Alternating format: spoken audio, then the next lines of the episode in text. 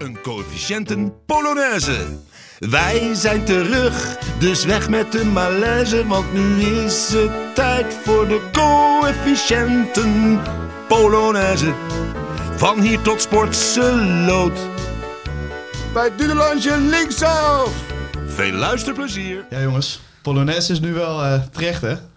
Michel, heb je de Polonaise gisteren al ingezet? Ja, het was één groot feest, uh, Sjoerd. Wat een ge- het was echt genieten. Urenlang genoten. Wat een puntenstroom weer.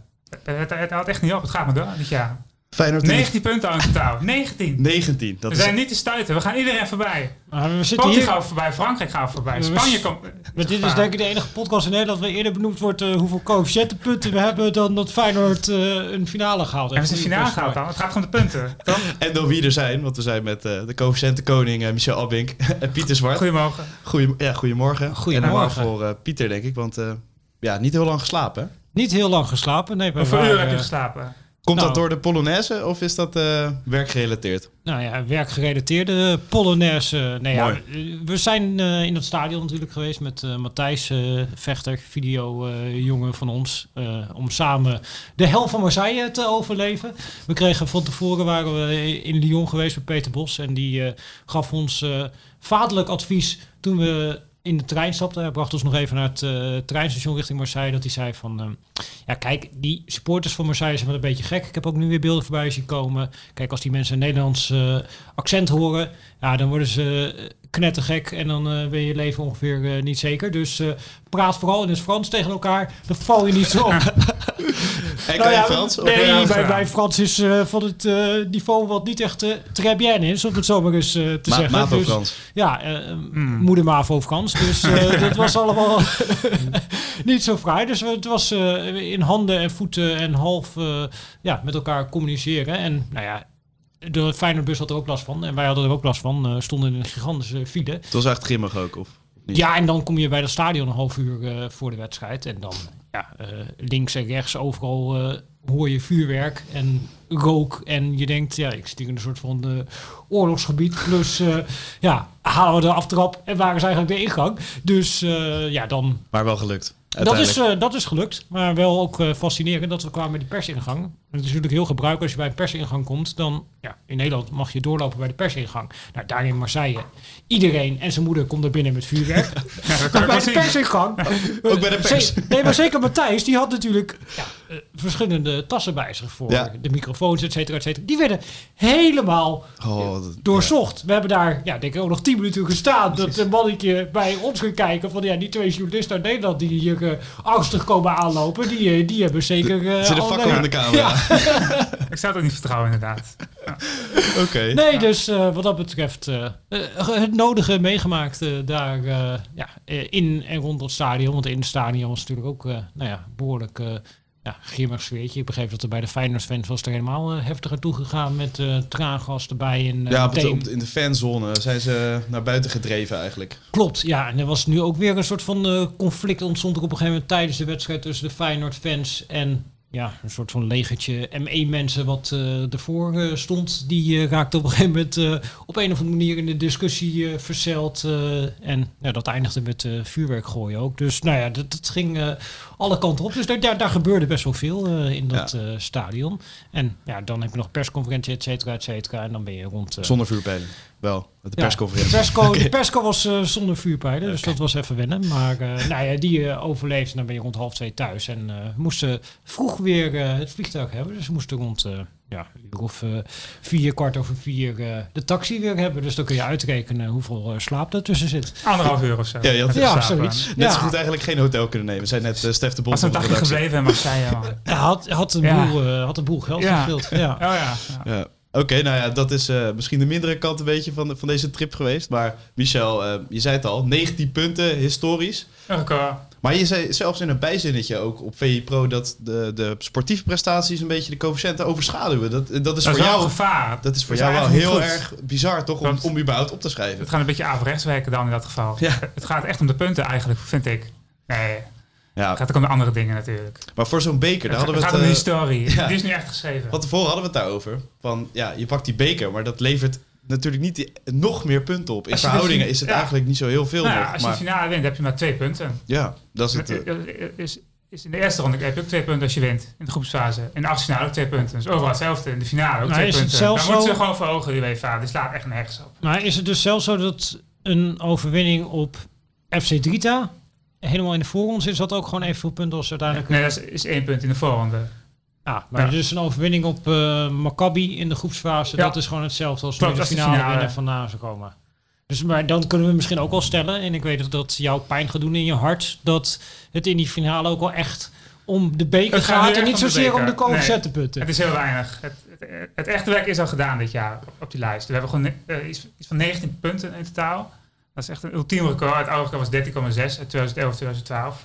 Dus ja, het is gewoon We hadden het nog net over dat seizoen. mega. Ja. En 2011, 2012 is eigenlijk wel bijna vergeten. Toen was het eigenlijk dramatisch. Om- Omdat er geen bekers Het ging heel goed in de eerste ronde, maar Ja. daarna ging alles mis. Het ging eruit in de kwartfinale PSV Benfica bijvoorbeeld. Toen deed Ajax het heel matig. Die gingen toen meteen eruit, volgens mij in de UEFA Cup na de winterstop. Dus ja, dat was, dat was al met al heel matig, maar toen hebben we wel heel veel punten gehaald. coëfficiënten clash-out zijn tegen Frankrijk. Ehm, had je van tevoren daarover. Hoe is dat nu geweest eh, voor eh, Nederland? Ten opzichte van Frankrijk? Eh, nou, we staan sinds 2019, doen we het nog net zo goed als Frankrijk.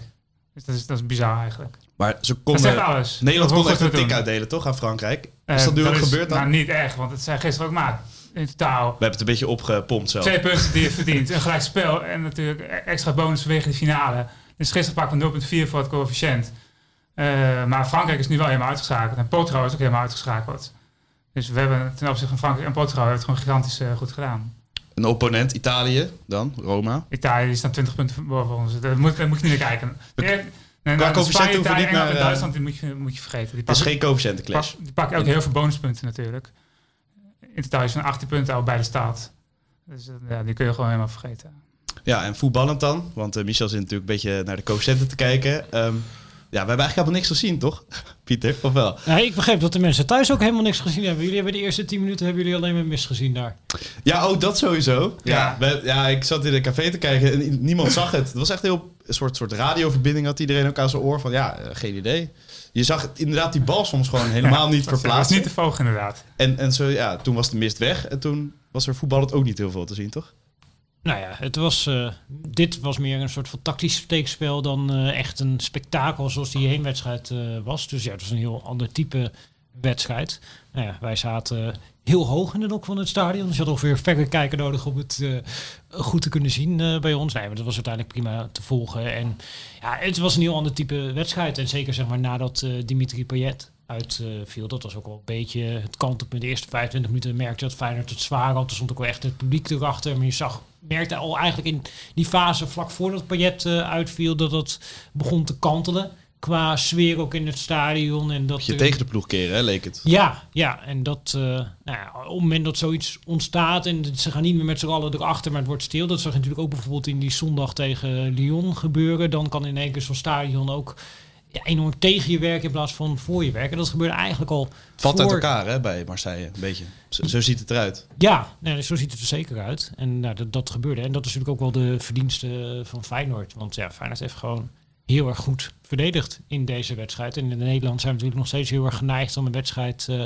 te beoordelen aan de hand van ja, hoe goed was het eh, in balbezit. Nou, als je de wedstrijd van Feyenoord op die manier gaat beoordelen, beoordelen dan zeg je ja, nou, dat was allemaal niet zo goed. En ze knalden alle ballen een beetje wild naar voren en er zat geen enkele rust eh, in de ploeg. Maar je kunt het ook beoordelen aan de hand van hoe hebben ze verdedigd. En dan moet je heel eerlijk zeggen dat ze veel beter verdedigd hebben dan dat ze in de Kuip gedaan hebben. Ik vroeg ook Slot na afloop van eh, nou, hoe hij er nou tegenaan keek. Van, ja, het is een trainer die staat voor aanvallend voetbal. Kan je dan ook genieten van een beetje verdedigend eh, voetbal? En nou, dat kwam schoorvoetend kwam het eruit dat hij zei van...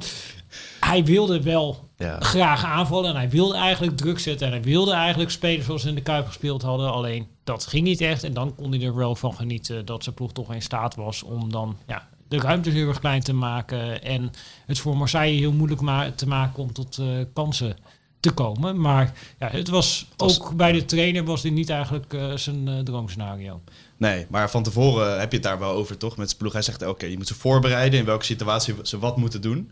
Eh, en dit heeft hij denk ik wel als scenario gegeven, toch? Van, Zeker. En hij heeft ook in de rust heeft hij defensief omgezet. Dat legde hij ook nog eh, uit. Ze kregen natuurlijk niet echt goed druk eh, op die opbouw. En nou, het was, zelfs volgens uh, Slot was het een eh, te tactisch verhaal om het, eh, om het uit te leggen wat er nou precies speelde. Maar het komt erop neer dat Marseille met vijf man opbouwt en als Feyenoord dat met vier man vast probeerde te zetten. En dat het allemaal niet zo makkelijk ging, omdat Marseille een van de weinige ploegen is die dan in staat is om die ene vrije man die die dan wel is, om die dan ook daadwerkelijk te bereiken. Omdat het positiespel van Marseille over het algemeen ja, best wel goed is, zeker ook in de eerste fase en in de laatste fase is het eigenlijk altijd afhankelijk van Payet. Nou ja, die viel weg en dat zag je wel echt dat dat eh, impact maakt. Want ja, ze weten hoe ze die bal er moeten krijgen. Alleen zonder Payet, dan weten ze niet echt wat ze vervolgens eh, ermee eh, moeten doen. Maar ja, het was niet de wedstrijd misschien waar iedereen op gehoopt had, maar wel het resultaat waar iedereen op gehoopt had. En ik denk dat het ook wel voor ja, slot pleit en voor het realisme pleit dat hij dan eigenlijk in de rust tegen Cyril Dessers zegt, joh, ga jij maar gewoon vanuit de verdedigende middenvelder spelen, buiten spelen zo nog iets verder terug en we laten die drie centrale verdedigers wel aan de bal. Want die drie centrale verdedigers zijn de ja, slechtste voetballers van eh, Marseille. Nou, geeft hen dan maar de bal. Ja, het is eigenlijk bijna een soort van eh, Mourinho-methodes wat hij met uh, de Vincent Sanchez deed. Ja, dat heeft Feyenoord ook een beetje met eh, Marseille gedaan. En ik vind dat er ook wel een vorm van schoonheid in zit. Sterker, ja, het is ook iets wat je moet hebben om uiteindelijk mee te kunnen doen Europees om de prijzen. Dat Ze is hebben denk niet ik, zo vaak gebruikt, toch? Dit, eh, dit toernooi. Nee. Dit verdedigen echt. Nee, en dat is denk ik ook bijvoorbeeld het verschil tussen eh, nou, bijvoorbeeld een echte toernooiploeg zoals Real Madrid of een echte toer- toernooiploeg zoals Liverpool en bijvoorbeeld een ploeg als Manchester City, die over een hele competitie eigenlijk beter is, maar dan misschien niet in staat is om zo'n ja, moeilijke fase in een wedstrijd, zoals eh Feyenoord die nu had eh, tegen Marseille, om dat dan te overleven. En Feyenoord kan dat wel, en dat is ook de reden dat nou, iedere Feyenoord-fan wel hoop mag hebben dat ze die finale ook kunnen winnen.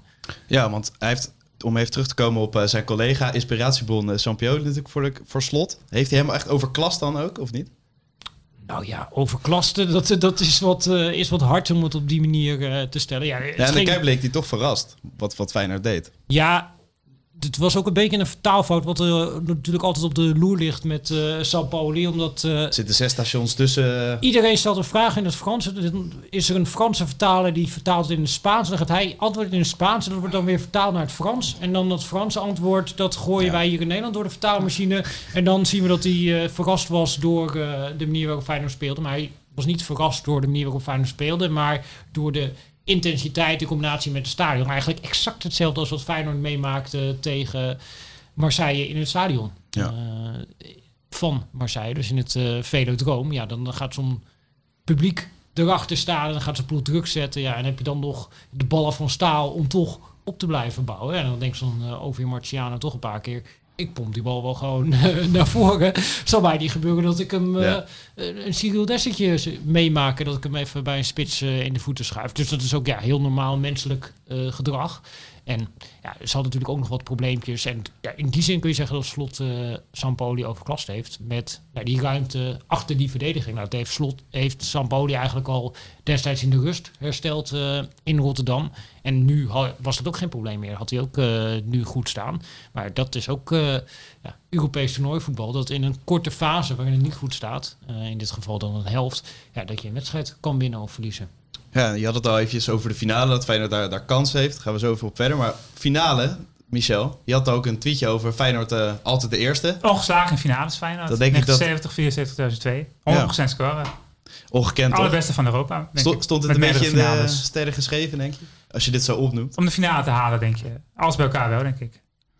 Dat toernooi is er voor het eerst. De eerste editie. Is overal de eerste mee, altijd. Bijna overal de eerste, altijd. Eh, dus ook, eh, ook ja, nu, nu eigenlijk. Dus dat is, eh, dat is mooi voor Feyenoord. Want via de play-offs, dat was geen goede combinatie. Hij begon tegen Sparta een Ja. jaar geleden. Toen FC Utrecht. Toen Drita. Drita, lang geleden hè, inmiddels. Sowieso, maar het is ook gek, en want Elsborg. Het houdt niet op. Volgens mij hebben ze elf clubs verslagen op weg naar Tirana. Het grappige is dat al die spelers die beginnen ook nog allemaal over Drita. Ja. en het- is toch een soort iets van... andere Ook best 0-0 een- best een goede was dat. Drita was het toen, hoor, vond ik. Ja, dit is een Ja. hele, hele stugge, vervelende ploeg. En als je die dan treft in het begin van het seizoen... terwijl je nieuwe speelwijze probeert in te slijpen op een slecht veld... wat het eh, daar was, Ja. was het niet in de Kuip... maar wel die eh, uitwedstrijd Ik was in de een, Kuip eh, ook goed veld. trouwens, hè, Drita. Ja, toen, eh, vallend gezien. ja, toen Zo. kwamen ze natuurlijk eh, op de counter eh, een paar keer uit. En die, ja, die kans die ze kregen op de counter, die eh, nou ja, gingen ook raak aanvankelijk. Daarna misten ze er ook nog wel een eh, paar. Maar ja, dat, dat is wel ook denk ik voor die groep. Als je iedereen daar toch uit zichzelf weer over hoort, begin een soort van kantelpunt Ja. geweest. Het idee Weet waar je van, vandaan komt ook. Ja, A weet inderdaad van waar je vandaan komt. Eh, en dan, ja, als je negen maanden later hier staat. eh, ze hebben er ook allemaal over 45 wedstrijden gespeeld eh, dit seizoen. Dat is natuurlijk ook een ongelooflijke eh, hoeveelheid. En we hebben nog niks. En eh, het was ook, die halve finale was ook... ja, nu gaan we ook gewoon voor de... Die, Ja, ook die na cup afloop winnen. inderdaad, precies. Na die Ja, kwartfinale goede was dat ook- afloop inderdaad. Ja, maar dat, Rustig aan doen. zou dat een beetje, beetje zijn? Of niet? Of eh, zouden ze dat echt in hun hoofd hebben? Nee, ik denk wel zeggen? dat ze het echt Ja. eh, in hun hoofd hebben. En, eh, Slot was ook eh, als eerste weg van het eh, veld. eh, die eh, gaf nog even Arnesen een knuffel. Eh, die stond iedereen erop te wachten langs eh, de kant. Die was als eerste in de catacombe slot. Ik denk ook om een beetje nou ja, zelf eh, tot rust te komen. en ja, waarschijnlijk ook wel nadenken over... ja, god, wat ga je tegen die spelers zeggen? En dat, dat gaf in de afloop wel aan wat hij daaraan eh, verteld had. En dat was in principe van... We moeten zondag weer spelen. En zondag spelen we tegen Ja, PSV. Ongekend, dat vergeet je toch echt? Als speler, Ja. of niet? Nou ja, ik dat vind het ook- moeilijk. Ik vind ook wel weer de, de Ja. kracht van slot dat je dus ja, daar ook de focus op legt. En ik denk dat het ook wel een van de kwaliteiten van Feyenoord is geweest. Dat er wordt dan niet naar een excuus gezocht. Dus hij maakt nog wel een grapje over dat eh, als... eh, Ja, het zijn altijd sneertjes met een grapje. ja, verzoeken indienen bij de. KVB of bij de UEFA dat het toch nooit gehonoreerd wordt. Dus dat ze maar moeten doen eh, met eh, Ja. het schema zoals dat eh, er is. Maar dan, ja, kijk, hij maakt er een grapje ervan en het is een sneertje. En ja, er zit wel iets onder dat hij inderdaad wel vindt van, ja, ze zouden soms wat meer eh, kunnen meedenken Dat is ook wel zo toch. met eh, Feyenoord. Ja, ja, dat is natuurlijk ook wel zo. En, maar dan schakelt hij wel meteen door richting... Oké, maar we hebben dit al het hele seizoen gedaan. Eh, we doen dit al het hele seizoen met een hele kleine kern. Want Feyenoord is ook niet dat ze à la PSV massaal gerouleerd hebben. Nee, het is bijna iedere keer dezelfde elf. En zelf in die wedstrijd eh, tegen Elsborg kan ik me nog herinneren... die ze dan verloren. Nou, daar kwamen er een paar wissels in. Maar dat, dat was dan... Een paar talenten. Ja, maar dat Ja. was ook wel echt Milambo, iets... Iedereen ook. Wat een, wat een jeugdopleiding. Daarna nooit meer gespeeld Ja, allemaal. klopt, ja. Maar het was leuk voor de jongens natuurlijk. Nou ja, dat was leuk. Ja, maar voor de rest, eh, hij, hij wisselt niet zo. Het was nu, nu natuurlijk ook tussen eh, Marseille in, tussen die wedstrijden. Ja, Marseille zelf, eh, die rouleert eh, het halve elftal tegen Lyon. Ja, Feyenoord speelt iedere keer weer met dezelfde elf. En die kunnen dat ook blijkbaar iedere keer kunnen ze het eh, opbrengen. Ja. Zou het ook een record zijn? Of eh, weten jullie het niet? Hoe kan je A- ook aantal, aantal spelers gebruiken in een toernooi. Want het, het ligt wel heel In de jaren laag 60 had je dat natuurlijk ook altijd. Gewoon Ja, twaalf spelers die alleen maar Ja, gebruikt werden. precies. Dat Feyenoord ook van mij. In Ja. 1969, 70 had Feyenoord volgens mij maar 14 spelers ingezet. Het, in 14 een jaar? magische seizoen, volgens mij wel. Je had echt een vaste elf. Eh, Geels had je, eh Pieter Romein had je als vaste respect. Daarachter had je Guus Haak. Dat was het wel, 12, 13 man, volgens mij. Ja, Ja. En, en nu zou het 15, 16 misschien zijn. En toen Ja, negen vaste wedstrijden kern. hè, op weg naar de, eh, Daar zit Hendricks bij. Ja, het nadeel is natuurlijk Ja. voor Feyenoord dat ze zijn A vroeg begonnen. Dus de eerste wedstrijd in de Conference League heeft uh, Leroy Vernos centraal verdediger Op, gespeeld. op, 22 juli was dat. 22 juli. Ik kan nagaan. Ja, dat is ook een soort van eh, raar seizoen was dat toen. ja, tijdsbeeld. Ja. Maar plus, je hebt die wedstrijd gehad waar ze dan wel wat jeugdspelers op een gegeven moment eh, hebben ingebracht. En Feyenoord heeft natuurlijk nog in de winterstop een paar spelers erbij gehaald. Waardoor je het totale aantal K-spelers wat je hebt ingezet toch wat hoger is gekomen. Ook al heb je Cole Bester niet ingeschreven Ja. voor eh, de Conference League. Anders had die misschien ook nog eh, een minuut kunnen gaan maken. Maar ja, de, de, en je mag meer wisselen tegenwoordig dan eh, vroeger. Maar de, de vaste kern, ja, die, die is heel erg klein waarmee Feyenoord het dit seizoen gedaan heeft. En dat maakt het wel extra knap dat je op drie fronten ja, iedere keer bent blijven presteren. Nou, twee fronten. Ja, uiteindelijk Want de, twee. want de ja, was relatief Meteen. snel. Ja, de laagste. Eerste wedstrijd. Ja, Uit tegen dat- Twente. Ook onverdiend trouwens, hoor, qua kansen, die wedstrijd. was echt een heel rare wedstrijd. Ja. ja, daarover gesproken. We hadden het nog eventjes over. Ehm, Feyenoord is wel de eerste in een paar dingen. Maar in wat zijn ze niet het eerste? We- weet jij het, eh, Pieter? Maar ze niet de eerste in zijn. Ja? Ja, dat is toch van alles en nog wat. Ze zijn niet eh, de eerste Champions League eh, Ja. winnaar. Marseille is dat. Ja. Eerste Nederlands, ja. ja. Nee, eerste oké. Nederlandse is Ajax. Maar ja, niet als eerste kampioen natuurlijk eh, van Nederland. Dat riep je al terecht, eh, Michel. Wie, wie is dat? 1899. RAP, rap. Rap. Rap. Uit mijn hoofd. Ja, maar het is ook net, eh, net wel waar je begint, toch? Want je kunt ook zeggen, je begint bij betaald voetbal. Dat is Ajax 1957. Kijk, en Kijk. Dat, dat, dat, dat probeer je dan weer van onder het tapijt te vegen. Eerste Ja, Europa Cup 2 zijn ze ook niet natuurlijk. Nee. Ook niet uit Nederland. Dat is Ajax, ook de enige toch? Ja, en 1987. KVB-beker? KVB-weken zijn ze ook niet de eerste Nederlandse. Want Feyenoord stampt uit 1908 en de eerste beker werd daarvoor al gespeeld. De Holdert-beker heette dat toen trouwens. Eh, dus ik ik weet niet eens wie de eerste KVB-beker winnaar was. Schandalig. Nee. Zo. Ja. Zo. Ik Ik, ik hoor je eigenlijk ik basis, afvallen. basiskennis roepen. ik ben aan het afbouwen hier, dus dat, eh, dat kun je merken. Dat is waar, dat is Ja. waar. Maar misschien dan dus de eerste die de Conference League eh, gaat winnen. Er is al een liedje gemaakt over eh, Tirana. En eigenlijk vanaf het begin is er al een spandoek met Tirana. Mensen hadden het al... nou Maar ja, bij Drita heen die was- of ja, niet? dat was een beetje een grapje. Ja, maar dat is niet normaal dat het dan precies zo uitkomt. we komen... Ja, ja, ja. Het is ook Hoe gaat het met Drita? met bier. Het ging Ja. natuurlijk ook om die mooie uittripjes. Die, die waren natuurlijk mooi voor die Feyenoorders. Maar Roma is de tegenstander. En Mourinho zei al... Ja, als er een nieuwe Europese prijs is... dan is er maar één trainer ook die hem wil winnen en moet winnen. Dan ben ik dat natuurlijk. Mourinho heeft ook een andere finale tegen een Nederlandse club gespeeld. Ja. Dat ging ook niet heel best. Denk je dat, dat die twee stijlen dat elkaar ja, moeilijk ligt voor, voor Feyenoord? Nou, wat ik vooral ook denk is dat die finale van destijds tussen Ajax en Manchester United, dat heeft een soort van cultstatus gekregen die totaal niet meer strookt. Alle met wat lange het- ballen in mijn hoofd. Nou, ze hebben ook daadwerkelijk alleen maar Ja. lange ballen gespeeld. Dus Van dat- dat- 15 dat- op Verlijn niet, toch? Ja, Totaal? dus dat, dat Ja. is daadwerkelijk eh, een feit. Maar er zit natuurlijk ook heel veel fictie bij. Wat natuurlijk met name in het gedeelte zit van... Kijk, dat was niet het Ajax zoals we dat nu kennen. Met allemaal hele ervaren spelers die voor heel veel geld gehaald zijn... en voor een gigantisch salaris daar staan. Nee, dat was een Ajax waarin... Echt nog een toen- opbouw eigenlijk. Riedewald. als je nou even inderdaad die opstelling gaat pakken. Je had eh, André Onana. Nou, dat was een keeper van helemaal niks. Iedereen in Nederland eh, die was maar aan het uitlachen... om de filmpjes vanuit eh, Jong Ajax of Caprioli die Ja, uit te hij halen. blunderde echt, hè? Nou, toen werd Ja. eh, Jasper Sillissen werd eh, verkocht. Nou, dat, dat was in één keer eh, de eerste keeper in dat seizoen. Uh, rechtsback in die finale Joe Veldman. Ik denk ook niet dat er heel veel mensen in Nederland lid zijn van zijn fanclub. Ik vind het wel een goede respect trouwens, maar dat... Gewoon geheel- prima. Maar, Dat ja. geheel terzijde. Dan had je centraal achterin dat je de Vincent Sanchez, eerste jaar in Europa. En Matthijs de Ligt, die was 17. Linksback had je Jairo Riedewald. Had je op het middenveld had je Lasse Schöne lopen. Nou ja, wat natuurlijk op zich een speler, controlerende ja, ja. middenvelder is. Maar ja, eh, ook niet een speler die eh, bij de tegenstander op dat moment eh, op het veld had gestaan, zeg maar. Met eh, daarvoor Davy Klaas in die periode en Hakim Ziyech. Nou, dat zijn natuurlijk al twee prima aanvallende middenvelders.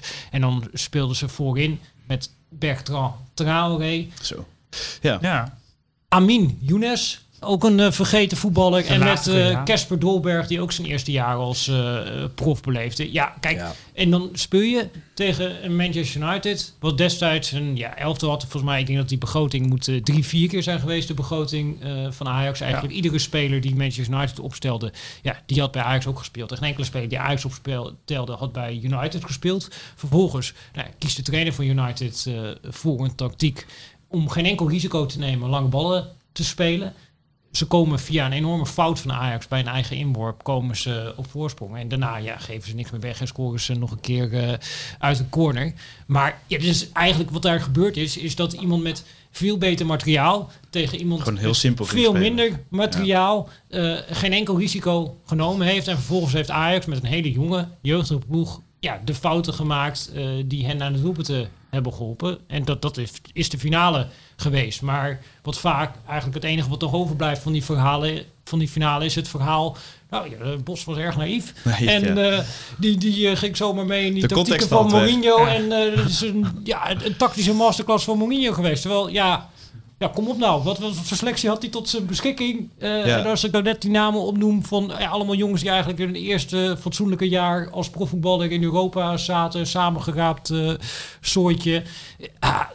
Je kunt ook niet verwachten eigenlijk dat je als Ajax eh, zijn in die finale wint. Nou, kun je nog steeds wel eh eh, mits en maren plaatsen zeg maar, bij het eh, strijdplan van eh, Bos eh, in die wedstrijd. Heeft hij zelf ook wel gedaan, toch? Ja, heeft hij Ja. zelf, eh, heeft hij daar, de, ik heb eh, die finale ooit nog een keer met hem teruggekeken, toen had hij hem nog nooit eh, teruggezien. En nou, de finale was ook beter dan dat hij hem in zijn hoofd had. Dus zelfs Bos was in, de, in zijn eigen eh, gaan geloven. Maar je kijkt daar ook niet heel vaak op terug, denk Nee. ik, toch? Dan zo'n Nee, van ja. finale, dat is wel moeilijk om hij terug legde te kijken. ook uit van als trainer.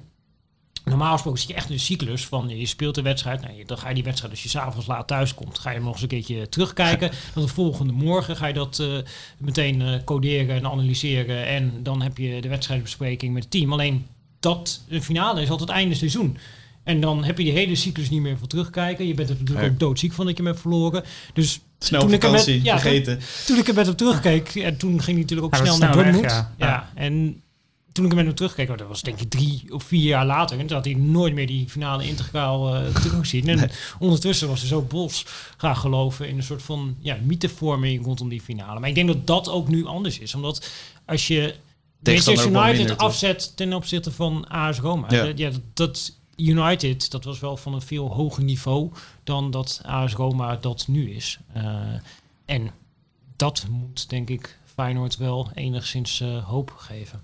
Ja, want ze staan vijfde in Italië. Het is gewoon, ja, het is net onder die Champions League plekken. Op zich oké presteert hij, denk ik. Maar ja, de vierde plek had echt goed geweest, denk ik, eh, voor Roma. Dit is voor hen ook wel, om het seizoen een beetje kleur te geven, wel echt, echt een prijs, toch? Terwijl aan het begin van het seizoen zou Roma zeggen, ja, interesseert ons helemaal niks. Dat klopt, dat klopt. Ja, die hebben toen natuurlijk op een gegeven moment ook nog verloren daar eh, in Noorwegen. Glimt, ze Glimt, een hele gênante... dus toen dacht iedereen, eh, ze, Ze geven het er ook niks serieus. Ze gingen echt extreem moeizaam door ook. eh, de eerste ronde overleefd. En toen bleven ze in de competitie natuurlijk iets achter. En ik heb het idee dat... Ja. Maar dat was eigenlijk destijds in de Europa League ook hoor, met eh, Manchester United. Die zaten toen ook achter die Champions League plekken in Engeland. Toen zijn ze voor al die bekertoernooien zijn ze gegaan. En voor de Europa League, omdat ze op die manier toch een Champions League ticket eh, Ja. konden Ja. bemachtigen. En toen gingen alle pijlen, die werden daar in één keer eh, op gericht. Ja, en dat heeft Mourinho eigenlijk eh, nu weer eh, herhaald. Maar wel met een elftal, wat denk ik ja, kwalitatief niet van een niveau is waarvan ja, dat Manchester United was. Ik denk dat, dat weet jij natuurlijk uit je hoofd. Niet, Pogba, dat hij misschien destijds nog de duurste voetballer ter wereld 100 miljoen, was. ja, 100 miljoen was op destijds de duurste. Pas, pas door Nijmaan verbeterd in diezelfde zomer van 2017. Nou ja, precies. Een, beetje verbeterd volgens mij. met 120 miljoen verbeterd uiteindelijk. Toen iedereen dacht dat dat nog wel zou slagen, Pogba bij United. Nou, hij is misschien ja, hij is half geslagen. Hij heeft best wel wat gewonnen. Een wel, paar eh, bekers gewonnen. En Ja, belangrijk ja. geweest in de finale. En tegen Ajax helaas. Dat was misschien wel zijn beste wedstrijd Ja. uiteindelijk. Over die wedstrijd gesproken, dat is misschien wel ook... Of misschien, dat is toch gewoon het begin van de zegentocht eh, qua coëfficiënt eigenlijk van Nederland. geweest. 2017, nou in, in die Er zomer nog een horrorjaar het, eh, achteraan, toch? Ja, daarna kwam echt een bizar jaar achteraan. Toen hadden we 2,8 punten. Het slechtste jaar ooit. Toen waren we 29ste van Europa in het ene seizoen. 29. Dus waren we onder Kazachstan, onder Armenië, onder Gibraltar bijna. Onder Gibraltar, ja. Nou, het scheelde niet veel bij wijze van spreken. En 2,9 punten hadden we. En nu hebben we 19,2 punten. Dus het is echt een gigantisch verschil. Het is pas echt gaan draaien vanaf 2019 eigenlijk.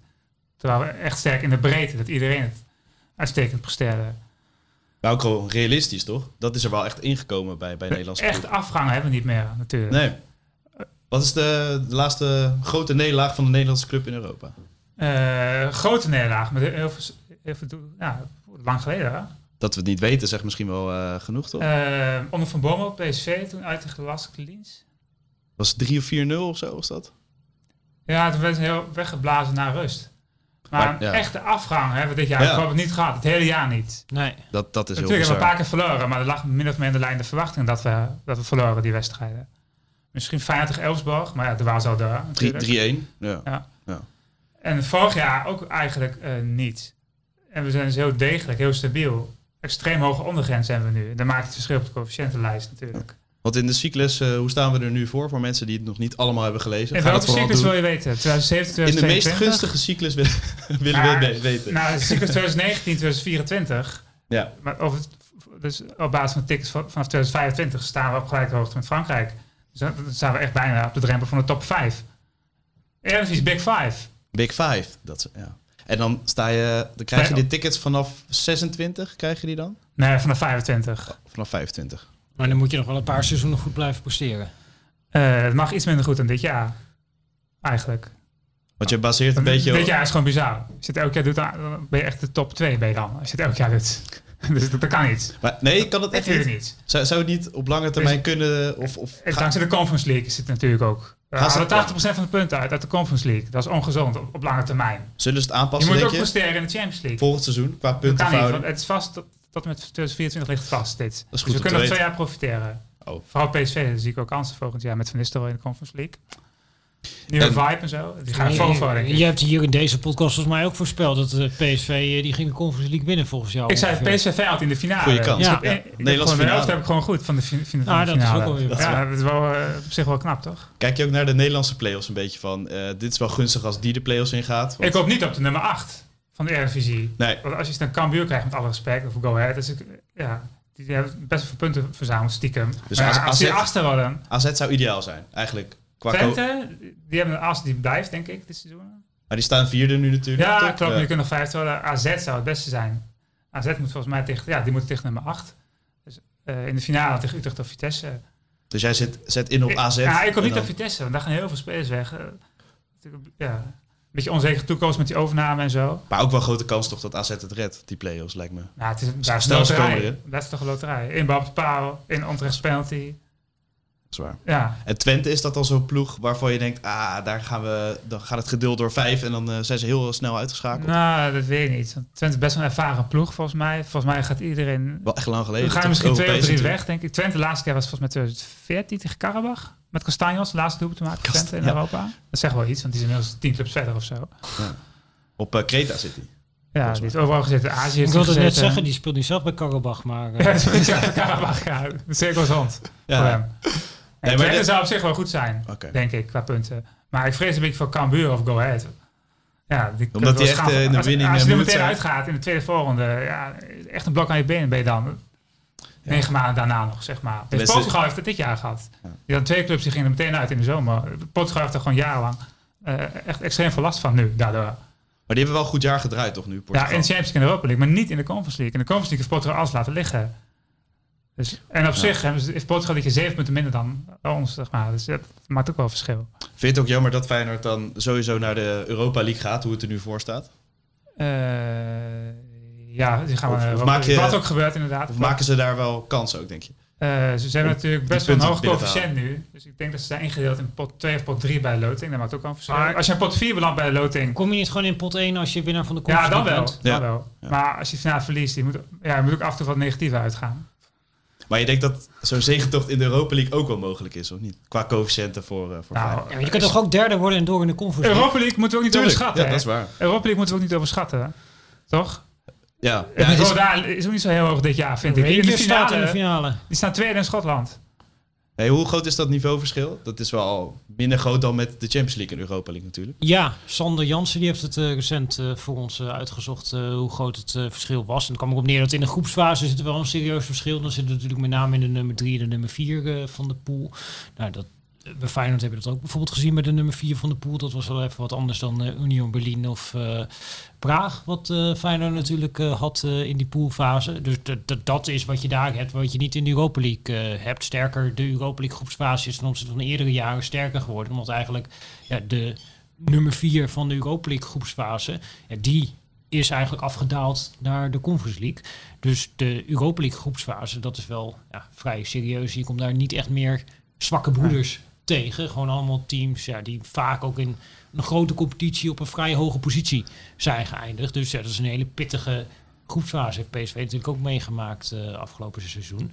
En ja, als je er daar dan uitgaat en derde wordt in zo'n pool, dat is ook helemaal niet, denk ik, eh, een schande. Want de kans is best aanwezig dat je à la PSV ja, een team uit Frankrijk treft en een team uit Spanje treft. Ja, ongeacht wie dat zijn, of een team uit Engeland, ja, dan heb je gewoon eh, een hele zware pool. Ja. Dus, dus lekker allemaal derde worden.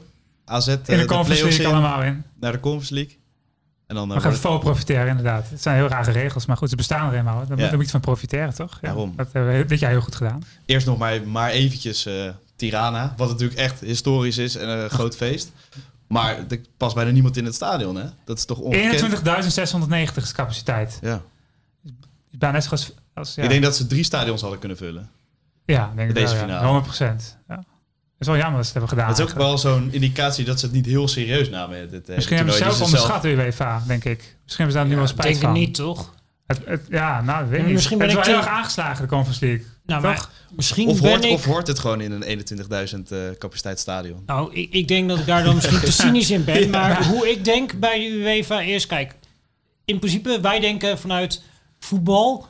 En Of coëfficiëntenpunten. Of Ja, dat, ja. dat is bij ons een startpunt van Ja. het denken. Maar je moet in het hoofd gaan zitten van zo'n UEFA-voorzitter. En die denkt, Geld. we zijn binnenkort... Nee, geld Oh. ook niet. We zijn binnenkort... Nou, ook. Ja, ge- geld ook.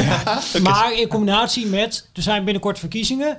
En dan moet ik zoveel mogelijk stemmen krijgen. Ja. Kijk, als jij een finale organiseert Tirana, dan heb jij de stem van het land heb jij binnen. En dus is het heel handig om het En in toernooi. buurlanden heb je dan ook meteen binnen in die regio. Want die denken, hé, hey, als hij voorzitter Ja. blijft, dan kan er gewoon ook in onze Ja. stadions een Ja. toernooi georganiseerd worden. En kunnen wij ook een finale hosten. En kunnen onze mensen dat ook een keertje meemaken. En ergens, ja, dit is heel vervelend voor de Feyenoord-fans. Maar ergens ook nog, zeg maar, eh, nou, vanuit een eh, halve GroenLinks-agenda ook nog een heel betoog kunnen houden dat het hartstikke goed is voor, eh voor dat Minder, minder land. vliegtuigen eh, daarheen. En, eh, het is een keer wat anders, ja. ja, klopt. dat maar het is wel aan de kleine kant, vind ik. Van zo'n Ja. grote wedstrijd. Maar het schijnt wel een mooie stad te zijn. Het zal vast een groot feest Ja, worden. een grote Polonaise wat dat, denk ik. Weten jullie of het nog zo arm is als dat het was?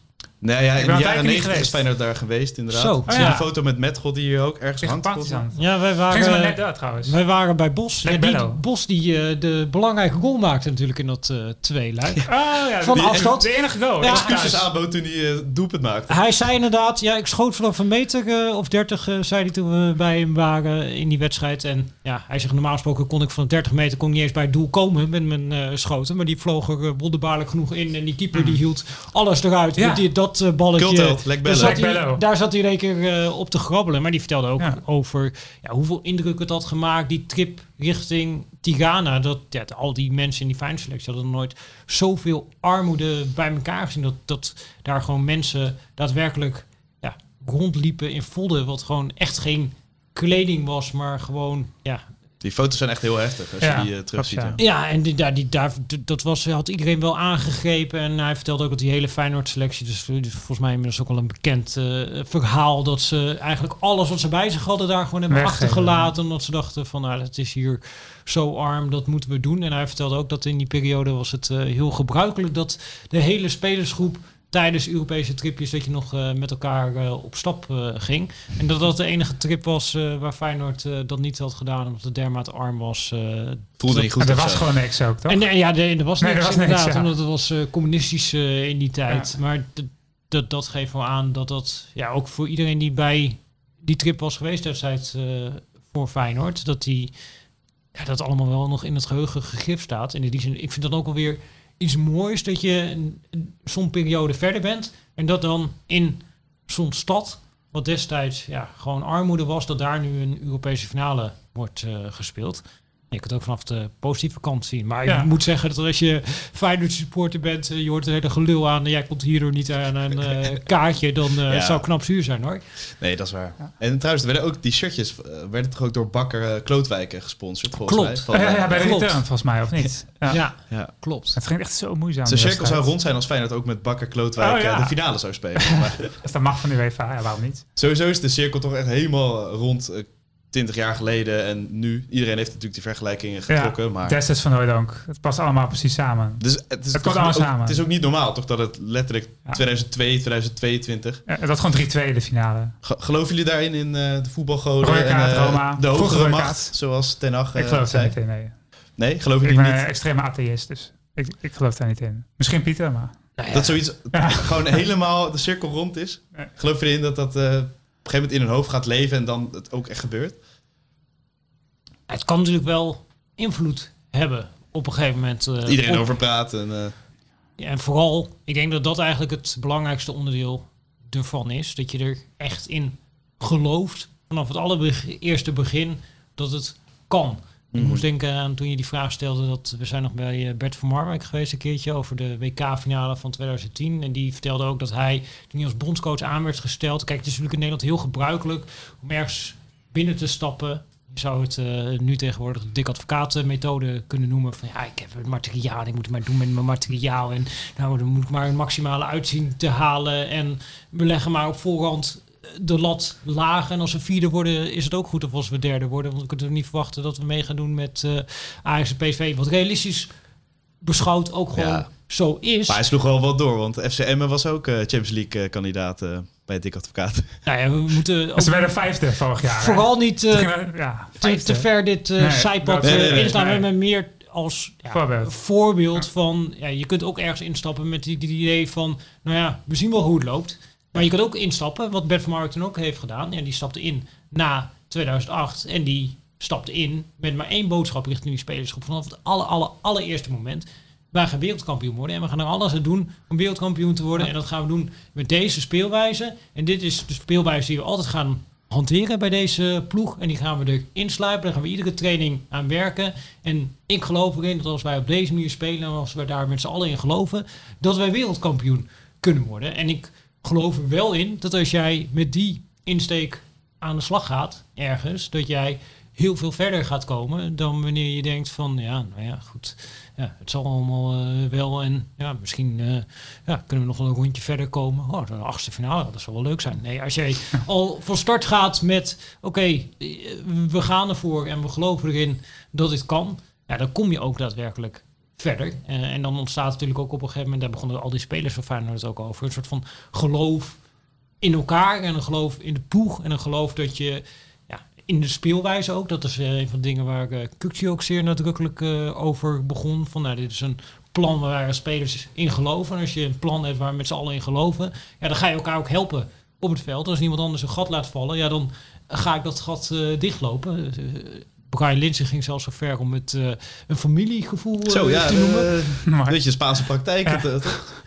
Maar dat, dat, dat zegt wel iets over wat er op een of andere manier dan toch in dat Ja. team is geslopen. Van ja, we hoeven in geen enkele wedstrijd hoeven we bang te zijn. En in iedere wedstrijd kunnen wij onze eigen stijl spelen. En kunnen we daarmee tegenstanders moeilijk maken. Dat hebben ze ook uit tegen Ajax gedaan. Overal jaar. En dat heb elke wedstrijd bijna. Ja, borst naar voren Toch? altijd. Dit seizoen. Ja.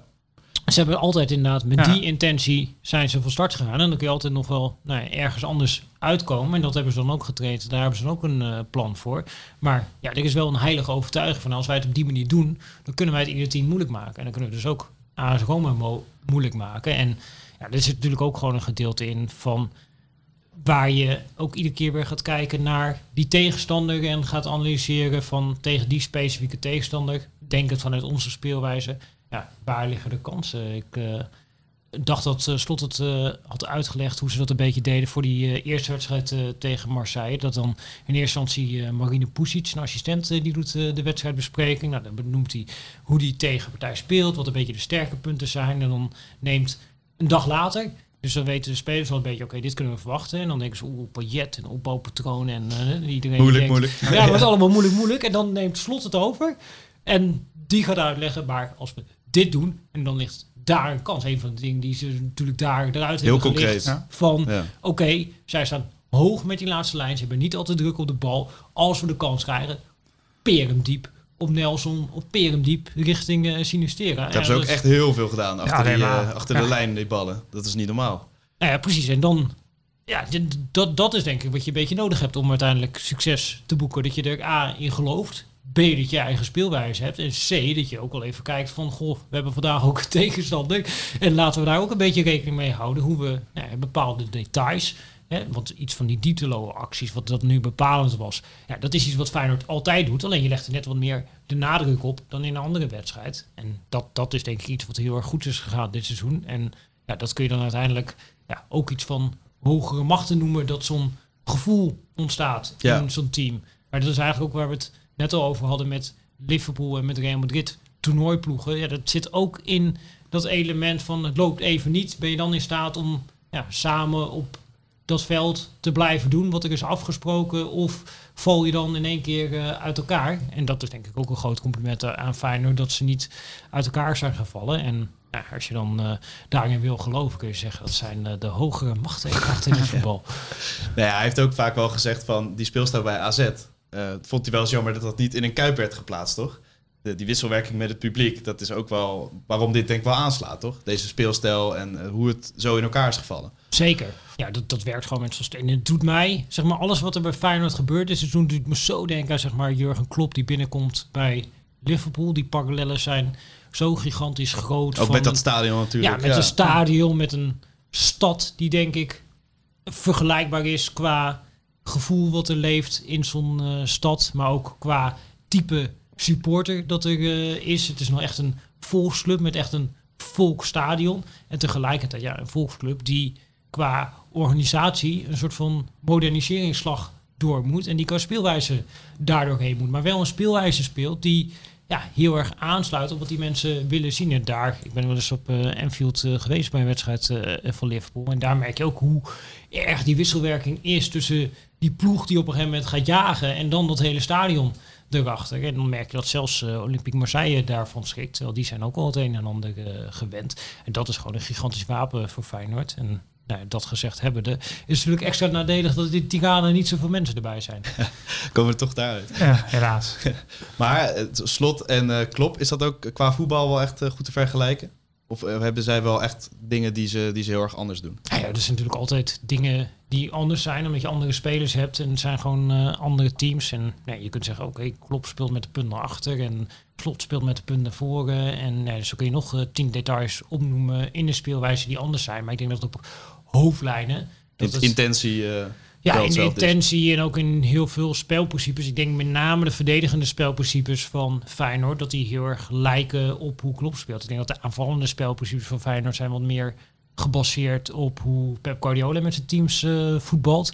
Alleen, als je nu reëel naar Liverpool gaat kijken... en dat is natuurlijk ook een beetje de invloed van de Nederlandse assistent eh, Pepijn Leinders... zie je dat die ook een beetje aan het opschuiven zijn qua positiespel... meer richting wat je ook terugziet eh, bij Manchester City. En ja, wat dat betreft is ook wel, denk ik, een beetje het internationale voetbal aan het opschuiven richting een soort van internationale stijl. Als jij gaat kijken hoe een team in een willekeurige internationale topcompetitie, en zeker een topteam, hoe die aanvallend staan, hoe die ja, verdedigend staan, dan zie je nog wel wat accenten in wat dan misschien anders is in qua formaties, maar zeker aanvallend. Ja, eh, er zijn bepaalde ideeën over veldbezettingen die je bij al die teams één op één eigenlijk eh, terug kan zien. En dat zie je ook bij Feyenoord terug. En dat, dat is de kracht van Slot, dat hij in zo'n korte tijd dit erin heeft eh, kunnen krijgen. Want ik zat nog eens een keertje terug te denken, dat vorig jaar, dezelfde fase van dit seizoen, speelde Feyenoord ADO uit. ADO uit. Oh, ja, ja, ja.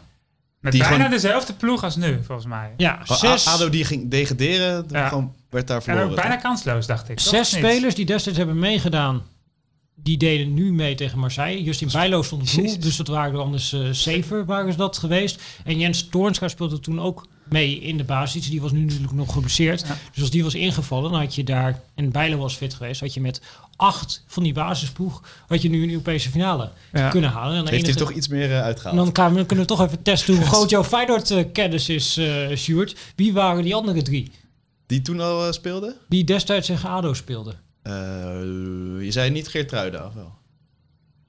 Geert die stond erin, die stond er nu ook in. Eh, ik weet het echt Het gaat niet. om de drie die eh, er toen wel bij waren en nu niet erbij waren. Eentje is verhuurd, denk ik nu. Eentje is verhuurd, zeker. Ja. Diemers. Ja, Diemers, ja. denk ik wel. Toch? Diemen stond niet in de Nee, basis. niet. Niet in de basis. niet in de basis. Nee, wel een andere iemand die verhuurd is. Eh, nee, ja. Antonucci? Nee, dat kan niet. Nee, de man die uh. Cyril Dessers heeft Oh, mogelijk oh, gemaakt. Ja, ja, dat was de Die wedstrijd scoorde nog trouwens. Dat, ja, Ja. en dat was de wedstrijd Ja. waar het Berghuis geschorst was. Dus dat is geen goed antwoord eh, op deze vraag. Dan hebben we nog iemand die we helemaal in het begin hebben genoemd. Die speelde ook nog mee in deze. Europese campagne. Leroy Ja, Ver. Ja, ja, ja. En dan natuurlijk nog de rechter centrale verdediger. Wie stond er op rechts? Mooi. Dat Zeg die maar. man jarenlang gespeeld heeft, kampioen geworden is. En gewoon totaal vergeten door de Feyenoord-fans. Erik Botteguin. Ah, Ja. tuurlijk. Ja, ja, ja. ja maar die, die is inderdaad... Echt dat- een anonieme speler. is dat een jaar geleden? Ja, ja Dat maanden voelt echt geleden. drie jaar geleden. Ja, dat- dat je is Botteguin aparte. ook niet in dit elftal zien. Dat, dat is onmogelijk. Qua speelstijl ook. Alhoewel Trouwner ook niet de, de snelste is Ja, maar dat verschil is nog wel aanwezig tussen die twee. Qua snelheid. Ja. Zo. Had je wel iets Erik? Botteguin, Ja. ja. Ik ben ook helemaal niet goed in... eh, die quizjes doe ik ook nooit goed. Echt? Slecht om te horen. Maar je was wel laatst zelf een eh, antwoord op. eh, Ja, Op een quiz. Nog, ja. nog niet gedebuteerd. Het kan nog in de finale Dat je gaat spelen, toch? Ja, Ik sta er niet uit. Je mag nog iemand inschrijven. Als je heel, heel, veel- heel veel... Ja, ik, ben, ik, ik ben, ik ben Ja. ingeschreven, dus... Maar in Als welke je blessures krijgt, Wacht, mag even het. belang- Als je heel veel blessures, dat is het. ja, eh, dat mag. Dan moet ik het indienen bij de UEFA. Dispensatieverzoek, dat gebeurt natuurlijk nooit. Maar En dan wel, mag eh, ja. Cole Bassett, dus stel dat Cobest, het mag nog wel ingeschreven. er komt een gruwelijke botsing op de training tussen corona. Toornstra en Guus Til. Nee, en daarna, Moet er meer zijn. Meer zijn. Echt een pandemie of zo. oh. Een nieuwe variant of zo. Dus dat moeten we maar niet open. Oh, ik, zal, ik zal dan Niet- niet... eh, Ik zou niet, nee. Laten we het even afkloppen. Ja. Corona, wat is dat ook weer? Ja, Ja. dat is ook al een tijdje geleden, corona. En de finale, jongens, wat eh, zeggen jullie? Of is het al heel vroeg om te voorspellen? En, en hoop je trouwens op Als dat het in, in 90 minuten beslist wordt? Of, of maakt dat niet uit? Eh na, eh na strafschoppen hoop ik niet. Dat is veel te spannend natuurlijk. Maar qua de punten... vraag is de coëfficiëntenpunten. Qua punten eh, maakt het na 90 of, of 120 maakt het niet uit, inderdaad. Oké. Eh, qua strafschoppen maakt het wel uit natuurlijk. Je krijgt die punten niet als je na strafschop Nee, dat krijgt hij niet. Dat zou heel zuur Het zijn. gaat om het resultaat na 90 of na 120 minuten. Ja, dat zou heel zuur zijn. Maar twee tiende punt maakt het uit. Als je de. Europese beker hebt, dan maakt niemand zich er druk over. Nee. Ja, één iemand Ja, misschien. dat. Ja. Daarom zeg ik, voor jou zou het zuur zijn. Ik denk dat Feyenoord wint met 2-0. Jullie? 2-0. Jij ook? Ik denk, ik denk verlengen en dan... eh, zo, het, het is wel heel raar om nu al te voorspellen. ja, Voelt nou, het. 19 dagen, dat ben je zo. Verlengen en eh, ja, Dessers natuurlijk uiteindelijk. Ik zal wel het, 1-0. Ik zal wel het antwoord herhalen wat Slot gaf. Eh, ik ga eerst AS Roma analyseren. ja. Nee, dat gaan we doen toch? Ook En dan, ja, Gaan dat gaan we zeker doen. doen. Ja, Ja. Ik, ik ga natuurlijk Roma bekijken voor eh VE Pro. En dan, ja, je bent benieuwd naar ja, wat je daarvan kan verwachten. Waar eventueel eh, kansen liggen voor eh Ja. Feyenoord. Dus eh, laat ik mijn eh, voorspelling nog heel even opsparen tot dat eh, moment. Maar Dat ik, wil nog wel even genoemd hebben dat eh, voor deze wedstrijd eh, heb ik een moeizaam gelijkspelletje ja, voorspeld. Dus dat eh, was eigenlijk een eh, gouden voorspelling. Dus Ja. ik denk dat... Nou, moeizaam was het dan niet echt. Het was niet echt niet moeizaam. Nou ja, dit was Het wel... was best wel eh, soeverein, vond ik het, uiteindelijk. het was niet mooi. ik denk, nee, niet. ik denk niet dat... zwaar bevochten. Maar Ik denk niet dat als je Kukciu gisteren had gevraagd Ja. van de, eh, ging dit makkelijk, dat hij had Nee, gezegd dat- dat was makkelijk. Nee, dat klopt. Maar Helemaal gesloopt was die, ja. ja, en best wel goed in de slotfase. Dus gaan heel erg kansen weg. Dat zeker. Echt. Over VE Pro gesproken nog eventjes. Wat, wat kunnen we verwachten de komende tijd rondom eh, Feyenoord Ja. en de finale? Veel van alles eh, en nog wat. Ja, we moeten nog even kijken wat we allemaal natuurlijk eh, precies gaan invullen. Sowieso richting- dus de analyse wat je zei. Ja, die analyse die gaat er eh, sowieso komen. Maar ik gok dat er nog eh 2533 stukken gaan eh, Ja, komen. en ik kan ook al wel vast, eh, denk ik nu, eh, verklappen. Goed alvast moment. Voor, ja, voor de, Ja. voor de early birds. Dat, eh, er gaat een Feyenoord special komen in papier. Oh. Over dit Conference League eh, seizoen. Over dit Ja. Conference League seizoen richting die finale. Om even als Feyenoord fan extra in het gevoel te komen. Dan gaan we helemaal Ja. terug. Ook in de Ja. tijd naar eh, FC Drita. En dan Sparta, nemen we je mee. playoffs. Ja, FC Utrecht playoffs. Dat is heel mooi. Ja, hebben ze wel verdiend, toch? Spartans. richting eh, het hele avontuur wat eh, achter de rug is. Omdat eh, ja, ja, zo'n finale is natuurlijk eh, uniek. Het eh, gebeurt niet zo vaak eh, in Nederland. Dus nu gebeurt het wel. En dat is alle reden om daar eh, een speciaal voor uit te brengen. En dus het zou kunnen dat als eh, nu PSV zondag een grote comeback eh, inzet. Dat we in één keer met eh, drie specials tegelijkertijd eh, bezig zijn. Oh, Ajax, Feyenoord en PSV. Allemaal van interviews doen die misschien eh, helemaal niet gepubliceerd worden. Dat is altijd voor journalisten heerlijk. Hè? Er is een legendarische anekdote hier over een een of ander eh, interview in de periode dat AZ kampioen kon worden. Ik weet niet welk jaar met Van Gaal dat was. 2007 met, Maar toen de met uiteindelijk- gaat, toch? Het interview dat nooit geplaatst. De, Was dat met het? Sche- nee, Scheringa is nooit geplaatst, maar Derks heeft toen uiteindelijk een keer een interview met Van Gaal over een kampioenschap wat niet plaatsvond, heeft hij wel geplaatst tegen alle afspraken. En ook Koeman, toch? Koeman is dat volgens mij ook een keer mee gebeurd, Ja. ja. Welk jaar dan, Ja. Koeman? Zo van, dit is mijn kampioenschap of zo. Zoiets had hij op de, op de voorkant laten zetten. Maar 2007. Toen hij alsnog kampioen werd. Met Ik weet het niet. Maar hij had toen die week niks inderdaad, Derks. Oh, volgens ja. mij. Toen heeft hij gezegd, ja, gooi er gewoon maar op. Oh moet Maar net, volgens mij 2007. was dit in een periode dat, nee, maar dat hij bij Ajax trainer was. En dit was nog voordat ze Ja, maar voordat ze daadwerkelijk- officieel kampioen werd. Ja. Het was officieus kampioen Ah, ja, 2004. ja, ja, ja, ja. Toen Dus eh, en toen, eh, werd ja. al het kampioenschap geclaimd. eh, moesten we tegen terwijl de afspraak was inderdaad van we publiceren het pas na die tijd. Dus eh, Oké. nou, wat dat betreft liggen er veel kansen in de komende Ja. periode. Maar, maar mooi die special. Wanneer is die te verkrijgen? Ik Denk weet, je ongeveer? ja, denk ik ongeveer. Dus laten we zeggen dat we daar nog nadere mededelingen eh, oké, over doen. Het eh, hangt ook allemaal een beetje met elkaar eh, samen. Omdat je, dit is natuurlijk eh, hier online kun je zeggen, ik knal drie dingen tegelijkertijd eruit. Alleen de drukker die zegt dan van, hey, dit is wat ingewikkeld. dat ik tegelijkertijd drie specials moet drukken. En er moet ook nog iemand moeten naar de winkel brengen. En iemand moet zorgen dat het bij iemand thuis komt. En die mensen, daar loop je ook allemaal tegenaan. eh bijvoorbeeld die finale, dat zit rond eh Ja, Hemelvaartsdag. Nou, de dag ervoor. Net als in 2002 trouwens. Oh, Nou. kijk, kijk, kijk. Nou, of we niet? dan daar... Ben ik ons aan het praten? Volgens mij wel, toch? Dan zet ik hem nu uit. Volgens mij was 9 mei helemaal vastdag. De cirkel. Dat Fantastisch. Ja, dan- ik geloof toch een hogere macht nu. Ik ben, allemaal, ik ben overtuigd nu. De finale wordt wel meegenomen in de special? Of eh, wordt het voor de finale? Nee, voor de finale. Voor de finale. Dus Dus kan dat, iedereen eh, heerlijk toeleven naar die finale. Ja, dus het, op komt ergens eh, om en nabij de week voor de finale gaat hij eh, verschijnen. En eh, ja, we gaan er eh, hard mee aan de slag. Ja, nou ja. Heel veel tikken de komende dagen met z'n allen. Ja, Hij moet toch phone special, ja? Nog minder slapen, nog meer tikken. nog meer. Ah, heel goed. Ja, jij Andere gaat, busslaap is genoeg, Ja. toch? jij gaat naar bed, denk ik, Pieter? Of, of ga je inderdaad Nou, tikken? Special tikken, toch? special tikken. Ja, Ja. dan naar bed. dat moet ook gebeuren. Oké. Nou ja, ik wil jullie bedanken. En eh, Ja. we gaan eventjes op de roze wolk nog verder.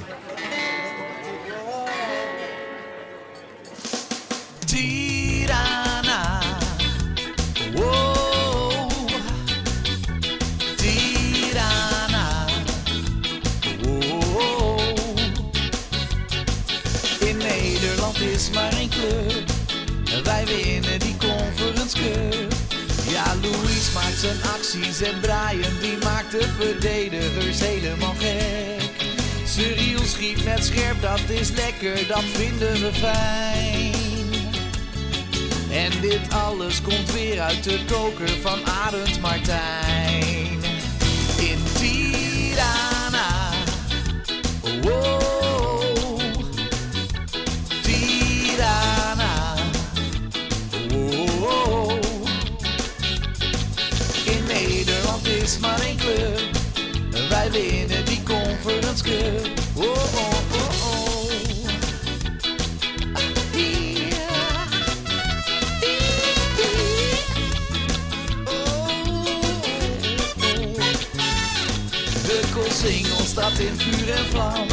Het is feest in heel Rotterdam. Ja, in Belgrado, Praag, Berlijn en Marseille. Het was allemaal weer van ons. Overspoeld door het rood en het wit van het legioen. Deze cup gaat naar Zuid, dat staat vast, er is niets aan te doen.